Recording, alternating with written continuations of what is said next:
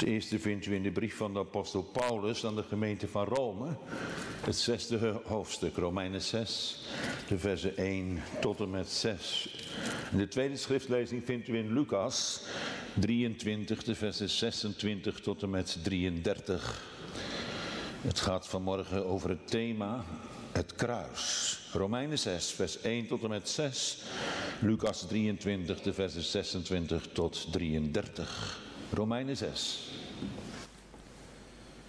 Wat zullen wij dan zeggen? Zullen wij in de zonde blijven, opdat de genade te meerder worden? Dat zij verre. Wij die der zonde gestorven zijn, hoe zullen wij nog in hetzelfde leven? Of weet gij niet dat zoveel als wij in Christus Jezus gedoopt zijn, wij in zijn doop gedoopt zijn? Wij zijn dan met hem begraven, door een doop in een dood. Opdat gelijkerwijs Christus uit de doden opgewekt is tot de heerlijkheid des Vaders. Alzo ook wij in nieuwigheid des levens wandelen zouden.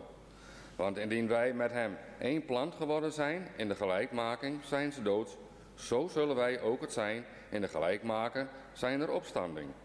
Dit wetende dat onze oude mens met hem gekruisigd is, opdat het lichaam der zonde teniet gedaan worden, opdat wij niet meer in de zonden dienen. Gaan we verder in Lucas 23. Vanaf vers 26. En als zij hem wegleiden, namen zij ene Simon van Cyrene, komende van de akker, en legden hem het kruis op dat hij achter Jezus droeg. En een grote menigte van volk en van vrouwen volgde hem, welke ook weenden en hem beklaagden.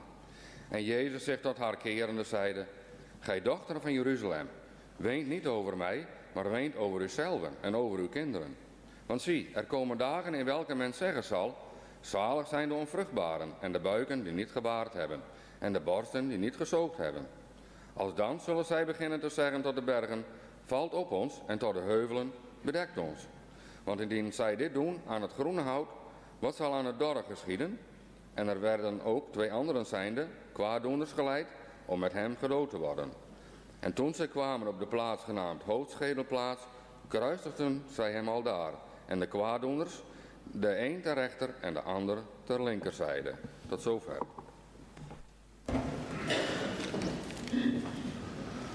De kerntekst van morgen gemeente vindt u in Lucas 23. En daarvan het 33ste vers, het eerste gedeelte. En toen zij kwamen op de plaats genaamd Hoofdschedelplaats, kruisigden ze hem aldaar. We hebben twee gedachten vanmorgen. De eerste gedachte is waar gekruisigd. En de tweede gedachte is waarom gekruisigd. Waar gekruisigd en waarom gekruisigd. 3500 jaar geleden.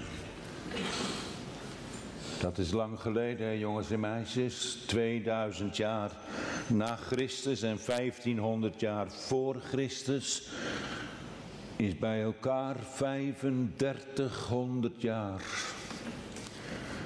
Geleden ging een vader samen met zijn zoon de berg Moria beklimmen op Gods bevel. En jongens en meisjes, die vader die had een mes en die had vuur. En zijn eigen zoon droeg de takkenbossen waar straks het offer opgelegd wordt met zich mee. Zie het voor je? Ze gingen van huis met ezels en met knechten, maar die moesten onder aan de berg achterblijven. Samen gingen ze de berg op, Abraham met zijn enig geliefde zoon, Isaac. En halverwege, jongens en meisjes, gemeente, vroeg Isaac aan zijn vader, vader, waar is het lam? En dan komt die bekende uitspraak, weet je wel. Dat woordje komt eigenlijk alleen in onze Heidelberger voor. De Heer zal het zelf voorzien, mijn zoon. Daar komt dat woordje voorzienigheid vandaan. Hè? God die niet alleen de dingen vooruitziet, maar God die ook van tevoren gezorgd heeft. God zal er zelf in voorzien, mijn zoon. Dat is gebeurd ook. Want daarboven op die heuvel, toen Abraham Isaac daar vastbond en het mes ophief om zijn eigen zoon te doden, dat kon toch eigenlijk niet, gemeente? Dat kan toch nooit Gods bedoeling geweest zijn dat Abraham zijn enige geliefde zoon, zo staat het in Genesis 22, zelf met het mes zou moeten doden.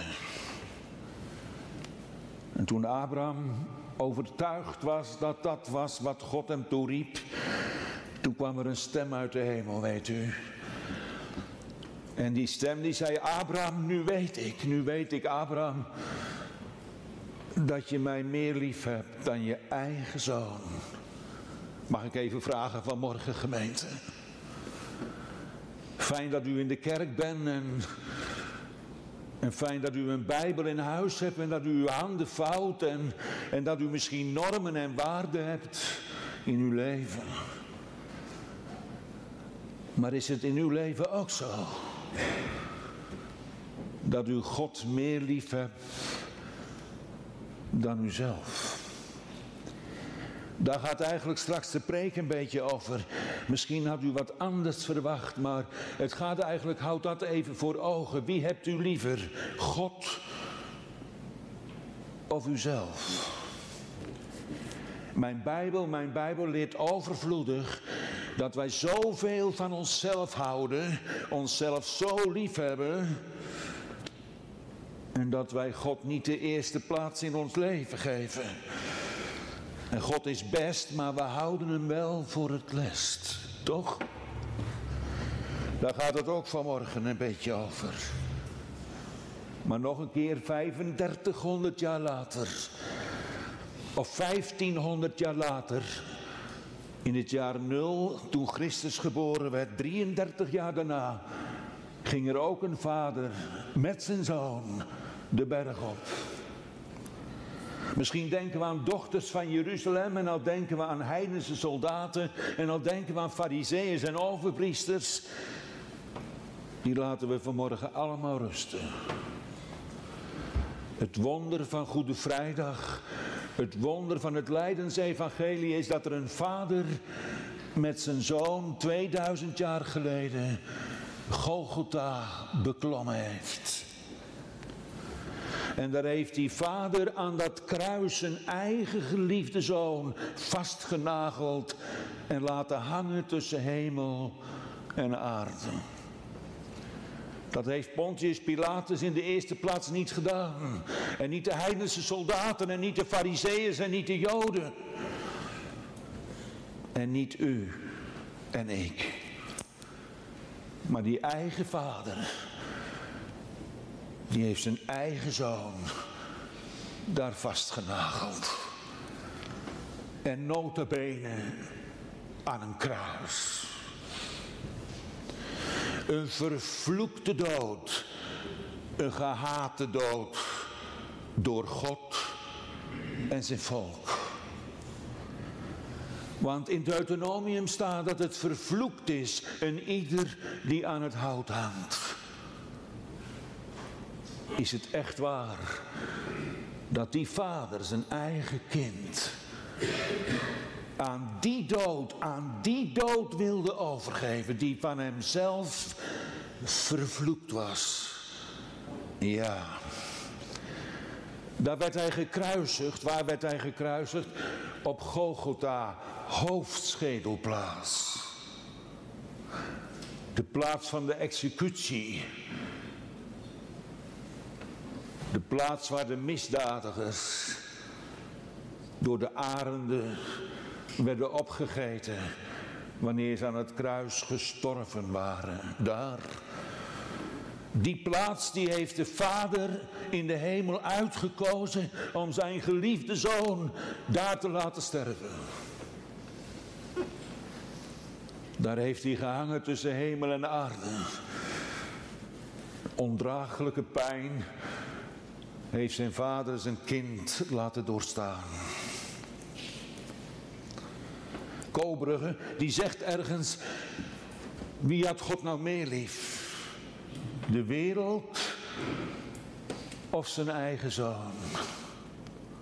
Want als je ziet wat die vader heeft willen ondergaan en zijn kind heeft aangedaan, dan lijkt het wel of dat hij de wereld liever had dan zijn eigen enige geboren zoon. Ik weet het, dogmatisch kun je dat zo niet zeggen. De vader heeft de zoon innig lief gehad. Hij had zichzelf in Christus zo lief. Maar misschien is dat vanmorgen wel het spanningsveld. Want daar op die heuvelgemeente van Driesem, daar klinkt het al zo lief heeft God de wereld gehad. Als u daar nog aan twijfelt, of dat God u wel lief hebt gehad, misschien wil ik u dan vanmorgen uitnodigen en zeggen, wil u bij die wereld horen? Welke wereld? Nou ja, waar het kruis geplaatst is, waar is dat dan? Op die heuvel. Afschrikwekkend, een schedel. Naar alle waarschijnlijkheid waar de oogkassen zag. En wat de vorm had van een schedel. En dat niet alleen, maar als de kruisiging volbracht was en de, en de misdadiger was gestorven, dan kwamen de arenden en bleef er niets anders over dan een schedel. Die lagen daar nog. Afschuwelijk. De botten van die doodslager, van die overspeler, van die godsdienstige man en die godsdienstige vrouw. Die lagen daar verspreid op die heuvel Golgotha. En daar middenin stond een kruis. Het lijkt wel een beetje op het Oude Testament waar Mozes, Mozes een slang moest oprichten. En er lagen allemaal mensen, jongens en meisjes, die waren gebeten door, door de slang. En ze waren op sterven na allemaal dood. En God zegt tegen Mozes, zet een stang in het midden van deze mensen. En dan, en dan. Maak een slang en verhoogt hem op een stang, zodat iedereen het zien kan. Ook in Driesem. Daar staat Mozes tussen de levenden en de doden. En Mozes zegt tegen het volk, een ieder, een ieder die op die slang ziet, die zal gezond worden. Daar op die heuvel, tussen de beenderen en tussen de schedels, te midden van twee misdadigers, twee criminelen, twee Joodse, Joodse jongetjes. Twee Joodse mannen, besneden, behoorden bij het uitverkoren volk van God. De een hand aan de linkerhand en de ander aan de rechterhand. Dat hadden ze niet in de synagoge geleerd, maar ze hebben gevloekt. Ze hebben daar op die kale heuvel gelasterd. U weet het. Waarom weet ik dat het Joodse jongetjes zijn? Waren het geen Romeinen of zo, of Grieken? Nee. Waarom niet? Een Romein mocht niet gekruisigd worden. Dat was een te vernederende dood. Hij mocht op allerlei manieren, moest de executie uitgevoerd worden, maar aan een Romein die mocht niet aan het hout hangen. Een Jood trouwens ook niet. Volgens God. Want vervloekt is een iegelijk die aan het hout hangt. Daar op die hoofdschedelplaats. Daar hangt die dierbare Heer Jezus. Ik ga het hem u voor ogen schilderen. Ik vroeg u net of u antwoord wilde geven. En ik vraag het nog een keer. Al zo lief heeft God de wereld gehad. Dat vindt u natuurlijk een bijzondere tekst. Ik ook. Dat hij zijn enige geboren zoon gegeven heeft. Gegeven aan een hout. Hem vast laten spijkeren aan een vloekhout. Hem laten hangen tussen hemel en aarde. Deze zoon heeft God gegeven. Aan wie? Aan de wereld. Wie hoort er bij de wereld vanmorgen? Maar misschien zegt u wel, ik ben gedoopt en ik heb beleidenis gedaan en ik ben serieus dominee. Hoort u bij de wereld? Op één hoop geveegd. Met prostituees, drugsverslaafden, randkerkelijke, spotters, Poetin. Op één hoop gevaagd. Wil ik daar eigenlijk wel tussen zitten? Wil ik eigenlijk wel met één adem genoemd worden met deze mensen? Wereld, meer ben ik niet. Of een ander woord, ik ben vlees. Misschien dat u straks tijdens de preek hoort dat vlees nergens toe deugt. Uw vlees niet en mijn vlees niet. En wat bedoelen we dan met vlees? Dat is niet wat je bij de slager haalt. Maar daar bedoelen we mee het lichaam der zonde. Maar daar bent u natuurlijk al lang achter. U bent er al lang achter toch? Dat dat lichaam der zonde niets goeds meer voortbrengt. Al zo lief heeft God de wereld gehad. Echt waar, dominee. Of is het al zo lief heeft God de fariseer gehad? Of al zo lief heeft God de uitverkorene gehad? Misschien onbewust. Allemaal uitvluchten. Omdat we niet op één hoop, op één hoop gevaagd willen worden. Ik moet het vanmorgen zeggen, Driesem. Als ik dat niet doe, dan behandel ik u niet eerlijk. Maar er is niemand rechtvaardig. Zelfs niet tot één toe. Er is niemand die goed doet en er is niemand die naar God zoekt. En er is niemand die naar God vraagt. Daarom ben ik vanmorgen niet begonnen met u. Heel veel mensen die beginnen bij de mens vandaan. En die zeggen je moet er naar zoeken hoor en je moet bidden en je moet kloppen. Maar dan bent u natuurlijk ook al lang achter dat dat niet gelukt is. Dat is allemaal doodgelopen, toch? Dat is allemaal in de dood geëindigd. Dan ben je teleurgesteld in jezelf. Misschien vanmorgen wel in de preek. Maar het moet van een andere kant komen. Het komt ook van een andere kant. Daarom ben ik uit Valburg gekomen naar Driesem. Om dat te verkondigen. Het komt van de andere kant. Het komt van boven. Daarom zie ik die vader daar samen gaan met die zoon.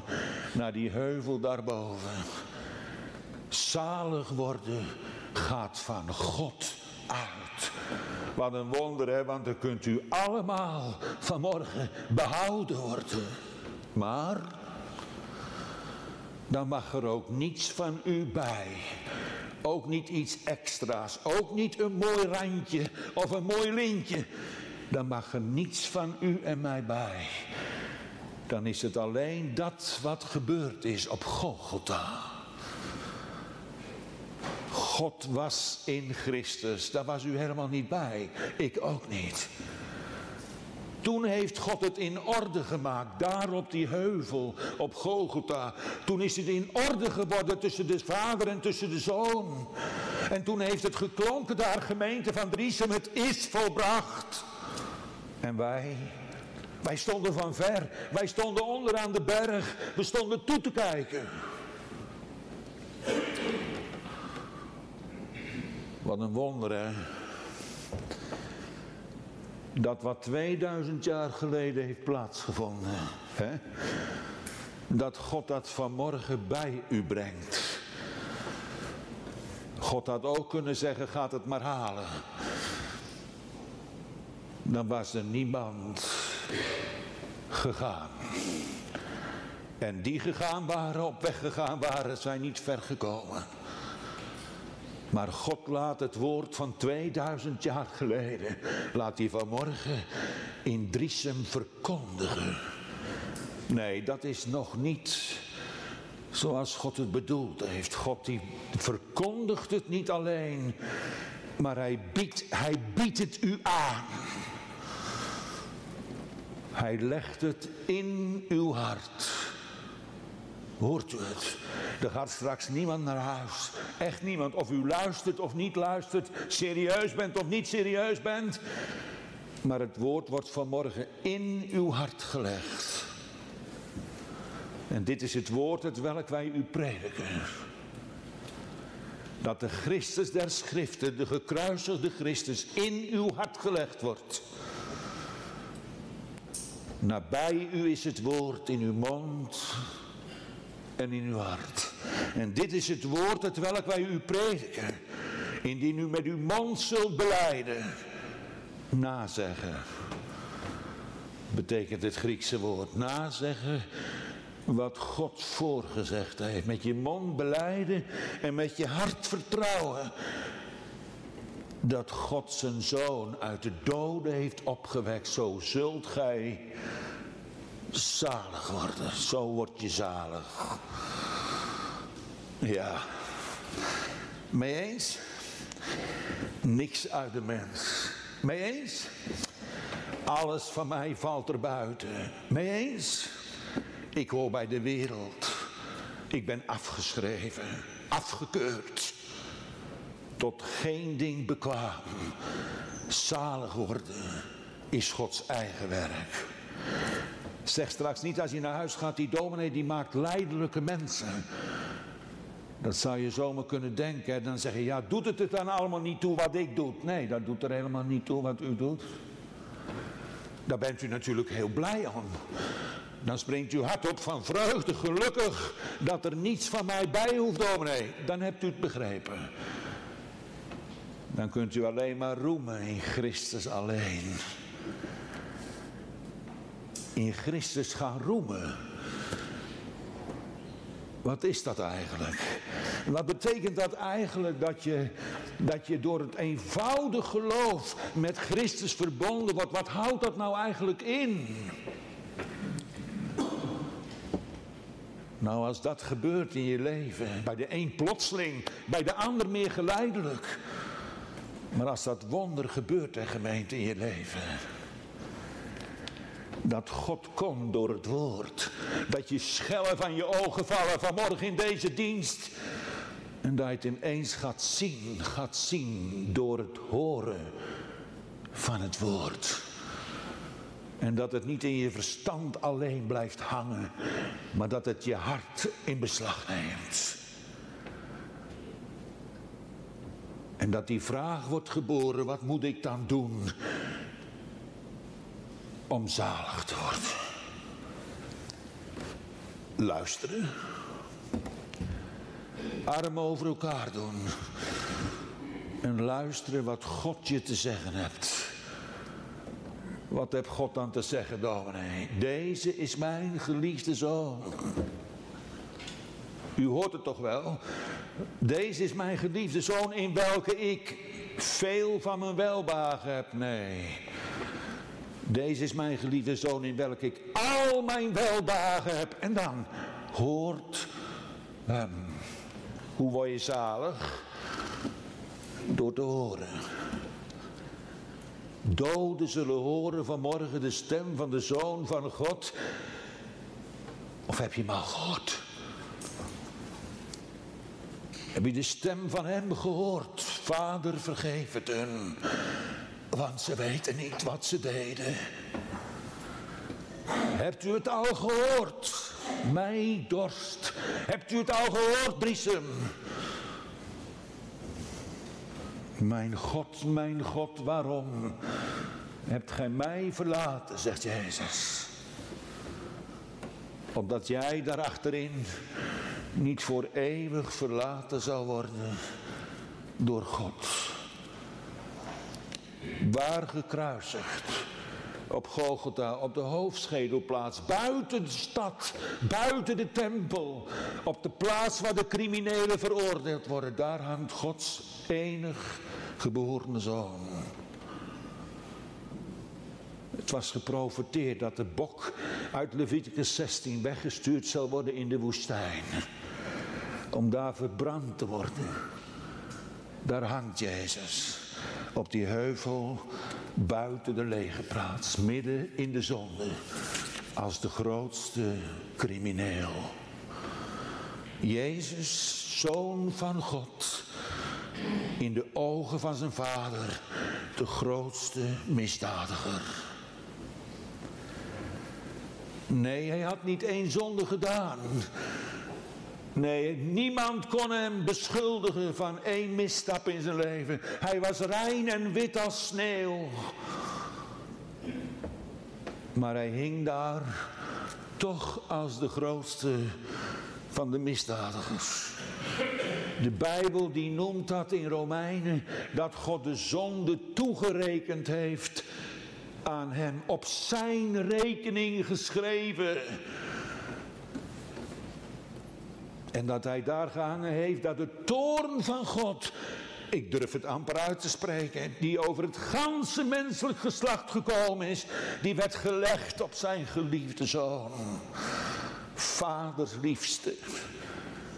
Maar de vader zag hem daar hangen en was vertoornd over zijn geliefde zoon. En die vader die heeft die toorn ook uitgegoten. Ik zei het al in mijn gebed, hè. Misschien hebt u daar ook wel eens verwonderd onder geweest en gebroken van hart. Maar hij heeft zijn eigen zoon niet gespaard. Hè? We kunnen wel eens wat zeggen over je kind of zo, hè. Ik heb er twee verloren, dus ik mag het zeggen. Maar je kunt wel eens ergens over praten, maar als het puntje bij het paaltje komt, dan zou de vader en de moeder nog liever sterven in de plaats van dat je je kind ziet sterven.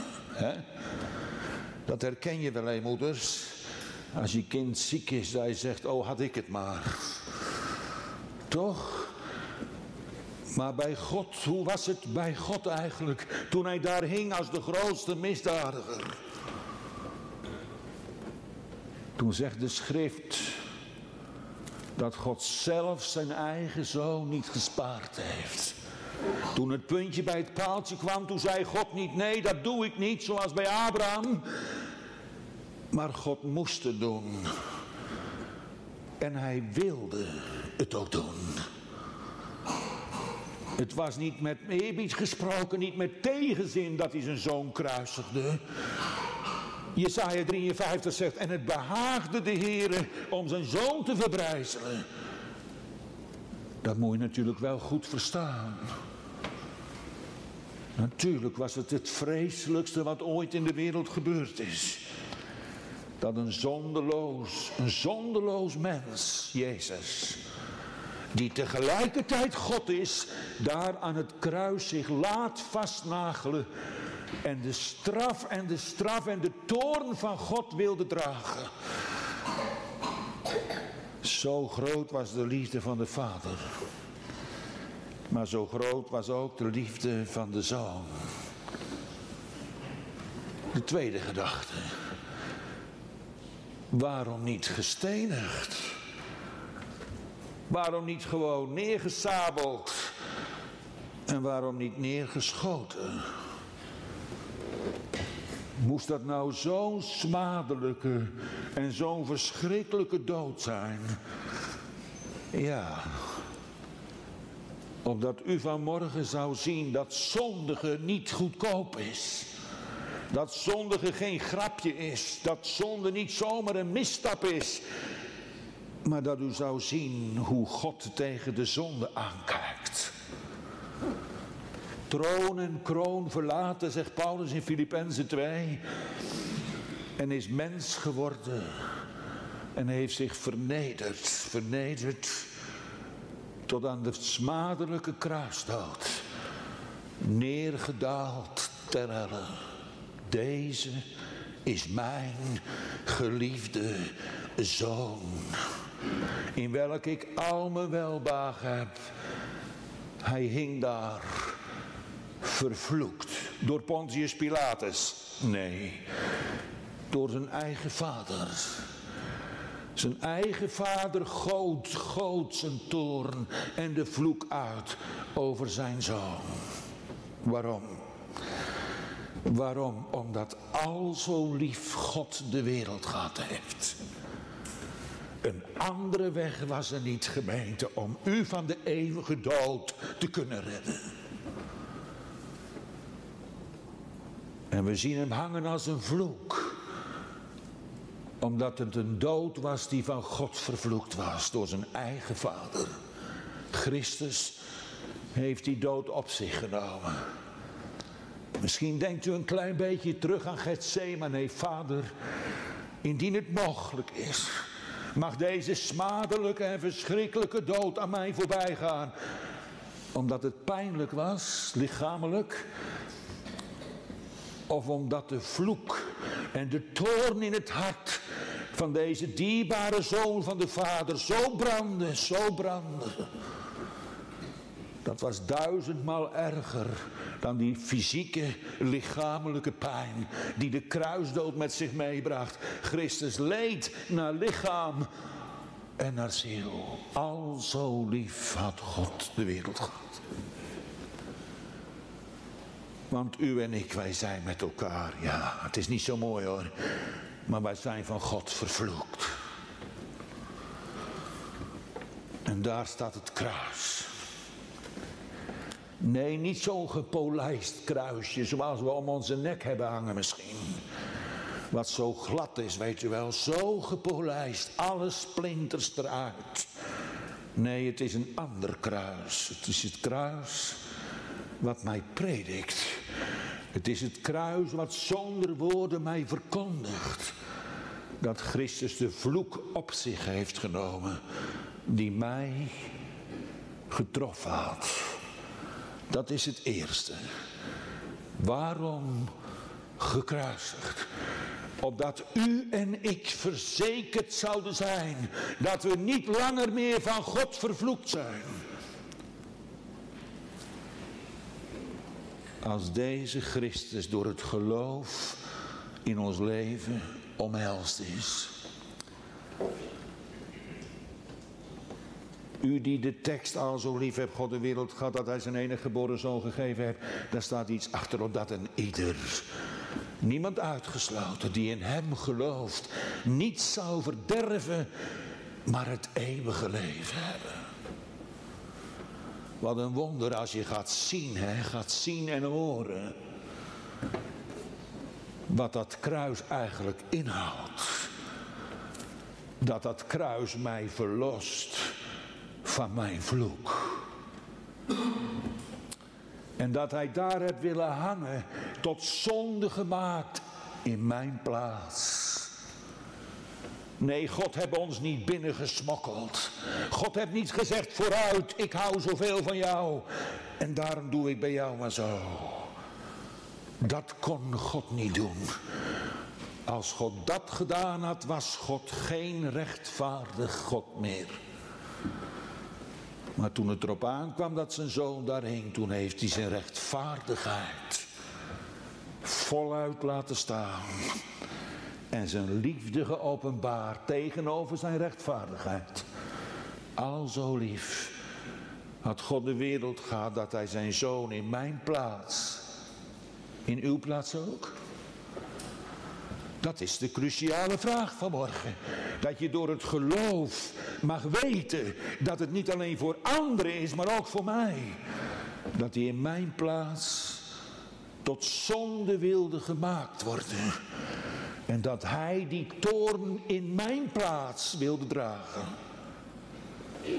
Petrus zegt het zo in 1 Petrus 2, die zelfs onze zonde in zijn lichaam gedragen heeft op het hout opdat wij der zonde afgestorven zijn de gerechtigheid leven zouden. Ik ga u nog iets vertellen. Maar dit onthouden wij jongens en meisjes. De Heer Jezus is aan het kruishout gespijkerd, genageld. Opdat hij mijn vloek, die op mij rustte, heeft willen wegdragen in mijn plaats. Het tweede was waarom dat hij gekruisigd werd. Want of ik moest aan het kruis of een ander voor mij. Maar dat hij plaatsvervangend, plaatsvervangend zich tot zonde heeft laten maken om ons te kunnen verlossen. Maar nou komt er iets dat vindt u misschien wat minder prettig. Het is namelijk zo dat het bloed in de Bijbel is gegeven tot vergeving. Ik zal één voorbeeld noemen en daar niet te diep op in kan gaan. Maar toen het bloed aan de posten gestreken was bij het volk Israël in Egypte, was het volk veilig achter het bloed.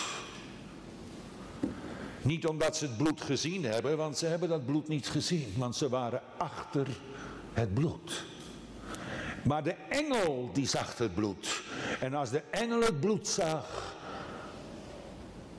dan was dat tot die engel voorbij ging en niet naar binnen ging om die eerstgeborene te doden. Bloed in de Bijbel is het symbool van het leven. Het symbool dat Christus zich heeft laten, laten sterven en zijn bloed vergoten heeft tot verzoening, tot vergeving. U weet wel wat dat is, hè, vergeving toch? Dat hebt u toch wel in uw leven door het geloof leren zien dat God vergeeft. Door in de plaats van u zijn zoon te stellen om u te kunnen vergeven. Maar moet u luisteren, het bloed is tot vergeving, maar weet u waar het kruis voor gegeven is? Om te sterven. Christus moest sterven. Nee, niet de dood door steniging, maar hij moest door de kruisdood sterven. Hij moest sterven. Maar nou komt het. Nou komt het hoor. Als Christus u dierbaar is geworden, moet u ook sterven. Ik bedoel niet dat u straks naar de begraafplaats wordt gebracht. Maar ik bedoel in geestelijk opzicht, wanneer Christus stierf, betekent dat ook dat ik moet sterven. Ik zal het u uitleggen hoe het zit. Er was eens een dominee en die kwam op een gezelschap en toen vroegen ze aan die dominee, vertel eens hoe God jou bekeerd hebt. En ze dachten allemaal dat die dominee zou gaan vertellen, toen gebeurde dit en toen gebeurde dat. Maar die dominee zei, dan moet je met me meegaan naar Golgotha. Toen heb ik gezien door het geloof, toen Christus stierf. Toen ben ik samen met hem ook gestorven.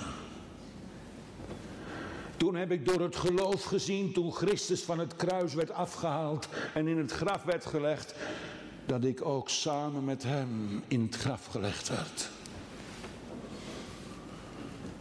En toen zag ik door het geloof, toen Christus uit de dood opstond, dat ik samen met hem ook uit de dood ben opgestaan. In een nieuw leven. En toen Christus naar de hemel voer, Efeze 2, toen heeft hij mij al meegenomen. En ik ben eigenlijk al in de hemel. Mijn leven is met Christus verborgen bij God. Goedenavond, zei die dominee. En hij ging zo naar huis. Wat bedoelde hij daarmee toen Christus stierf? Toen stierf ik ook. Paulus die zegt dat onze oude mens, onze oude mens met Christus gekruisigd is. Gekruisigd, moet u horen, het gaat nog een stapje verder. Dat onze oude mens gestorven is. Hoe kan dat nou? Wat is die oude mens dan? Dat lichaam der zonde, weet u. Dat je zo graag porno kijkt. Dat je soms in brand staat, omdat je ogen verrekijkers zijn van de zonde. En dat je helemaal niet zo geestelijk bent als je lijkt. Maar dat je zo vleeselijk bent. Dat herkent u ook wel toch? Daar hebben u heel lang tegen gevochten, hè? Gevochten. Dat u dacht, ik ben geen voorwerp van Gods genade. Ik ben niet geschikt, er is geen aanknopingspunt in mij. Maar luister eens.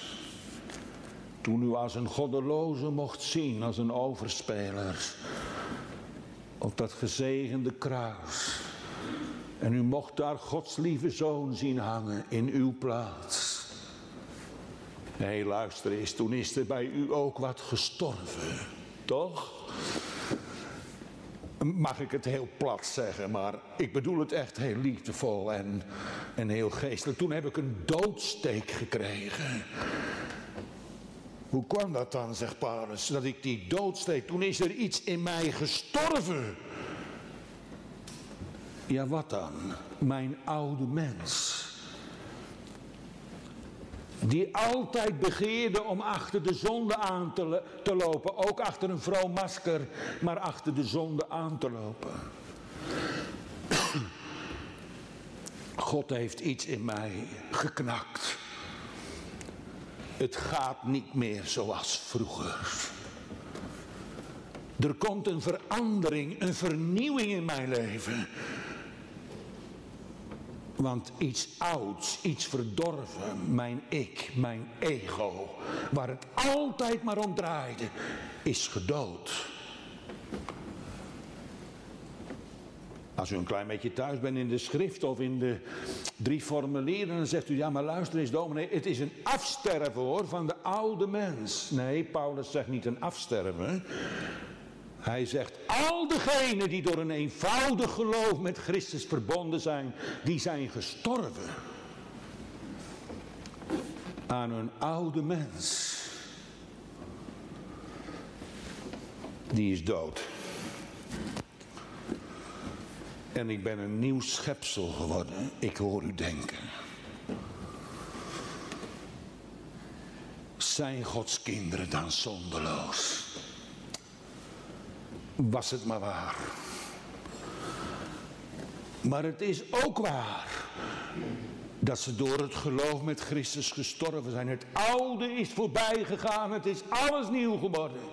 Voor het zwakste en het kleinste en het meest aangevochten geloof blijft het waar. Het oude is voorbij gegaan. Mijn oude mens is voor God dood. Kind van de Heer, wandel dan ook zo, wandel dan ook zo, dat gij der zonde gedood zijt. Dat u niet meer kan leven en kan wandelen zoals u vroeger deed. Want er is iets gekruisigd. Er is iets gedood in mij. En er is iets nieuws door het geloof met Christus in mijn leven naar buiten gekomen. Bij u ook? Of wil u alleen maar horen van Jezus dood? Of wil u alleen maar horen van Jezus kruisiging? Maar de consequenties, de gevolgen voor u en voor mij. Dat ik ook moet sterven. Hey joh, je oude leven uit handen geven. Mijn ego niet langer meer op de troon, maar Christus op de troon. Of zoals Paulus zegt, ik leef niet meer, ik. Maar Christus leeft in mij. En wat ik nou nog leef, dat leef ik door het geloof in de Zoon van God die me lief gehad heeft. Leeft u ook zo? Nee, niet door mooie praatjes. Je kan nog zulke vrome praatjes hebben. Maar het komt op je daden aan. Dat merk je aan mensen. Of ze gestorven zijn of niet. Een ander beeld, zoals bij Jacob bij Pniel. Een ontmoeting met God gaat. En wat was het gevolg? Jacob ging hinkende over de wereld. U ook? Je kan niet meer zo hard hollen zoals vroeger. Je wordt zo vaak belemmerd. Het gaat niet meer zo makkelijk en zo vanzelf. Er is iets in je geknakt. Je bent je eigen krachten leren verliezen. Ja, nog heftiger, je eigen leven leren verliezen. En het leven is mijn Christus. Dat is mijn leven. En ik wil niks meer horen. Niks meer horen over de mens. Want ik ben dood. En ik ben met Christus opgewekt in een nieuw leven. Maar dat is een leven door het geloof. Nog één punt en dan gaan we eindigen. Paulus zegt in Romeinen 6, lees het thuis na. Neemt de kanttekenaar erbij als u mij niet vertrouwt. Maar dan vertrouwt u waarschijnlijk ook de kanttekeningen niet. Omdat u God niet vertrouwt. Niet voor serieus neemt. En misschien wilt u graag horen dat we nog zoveel last kunnen hebben van die oude mens. U hebt gelijk. Ik misschien wel het meest. En toch is die dood. Toch is er afgerekend. Toch heeft hij een doodsteek gekregen. Hij is gekruisigd. En toch ben ik ondanks alles een nieuw schepsel. Al weet ik dat in mijn vlees gans geen goed woont. Dat is geloof. Dat is leven uit Christus. Dat is niet leven meer uit jezelf, uit je vlees, uit je prestaties. Uit je geestelijke eh, leven. Maar Paulus zegt nog iets in de Galatenbrief. Hij zegt in de Galatenbrief dat hij niet alleen gestorven is, maar hij is ook gestorven aan de wereld. En de wereld is aan hem gestorven. Zou je niet raar opkijken als je omgeving je niet meer zo'n leuke vrouw vindt. En misschien niet meer zo'n leuke jongen. Ja, misschien in het begin wel. Maar als je wat verder bent, dat ze zeggen, joh, doe niet zo moeilijk, joh. En dat je zegt, je mag toch ook wel wat voor jezelf hebben. Je handen, je portemonnee, je ogen, je oren. Je hoeft toch niet helemaal, niet helemaal alles uit handen te geven. Paulus zegt, ik ben gestorven aan de begeerlijkheden van de wereld. En ik ben gestorven aan de wereld. En de wereld is gestorven aan mij. Lijkt u wel op de Heer Jezus, of niet? Heb u ook Judassen om u heen? Om te leren, vriend, wie zoek gij? Gaat het in uw leven misschien ook anders dan u gedacht had in uw huwelijk? Toen God kwam, weet u wel. Toen dacht u misschien wel, dan word ik gezegend. Dat wordt u ook. Maar je eigen man begreep je soms niet meer. En je eigen vrouw niet. En de buurvrouw waar je vroeger zo goed mee op kon schieten. Moet je het daarna maken? Moet je eigen af gaan zonderen? Moet je een kluizenaar worden? Wel nee. Je hoeft er niks aan te doen. Het gaat gewoon vanzelf. Ze laten je vanzelf vallen. Echt vallen. Heel diep. Ze trappen zomaar op je hart. Wees er niet verbaasd over. Wees niet verwonderd als je je soms een vreemdeling voelt in de kerk. En dat er bijna niemand is die je begrijpt, dat kan zomaar. Ik zeg niet dat het altijd zo gaat. Dat laten we aan God over. Maar de wereld zit niet in de wereld. De wereld zit ook in de kerk. U zou zeggen, dominee, de wereld zit ook in mijn hart. Dat is niet waar. Die is gestorven. Oh, u bedoelt nog dat er wel een soort overblijfsel is achtergebleven. Ja, helaas, dat wel. Maar hij heeft het niet meer voor het zeggen. Hij heeft niet meer het laatste woord. Vroeger wel. Toen ging ik over lijken. Om die ene zonde. Daar had ik mijn huwelijk voor over. Voor die ene zonde. Dat heb een doodsteek gekregen. Je kan helaas, echt helaas, wel in zonde vallen. Maar niet meer in de zonde leven. Want dan stik je. Want het leven is mijn Christus. En sterven? Nee, dat is niet van, oh die dood, die dood, die dood. Sterven is een poort naar het eeuwige leven. Om binnen te mogen treden in die hemelse gewesten. Hé kind des Heren, hou je het wel voor ogen. Dat ons een beter lot bereid is en dat onze heilzon is aan dagen. Dat we op weg zijn naar het koninkrijk. En dat er straks hier op aarde, hier op aarde, dat God hier zal wonen in Christus eeuwig en altijd.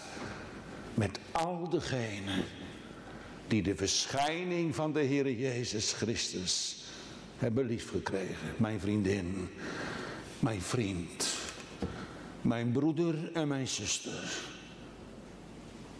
Hebt u in Christus uw leven leren verliezen. Om door het verlies hem te mogen overhouden als uw enige rustpunt. En mijn enige houvast in leven en in sterven. Omdat ik niet meer mijns, maar mijns getrouwe zaligmaker, Jezus Christus eigen ben. Ga dan heen in vrede. Uw geloof heeft u behouden. Amen.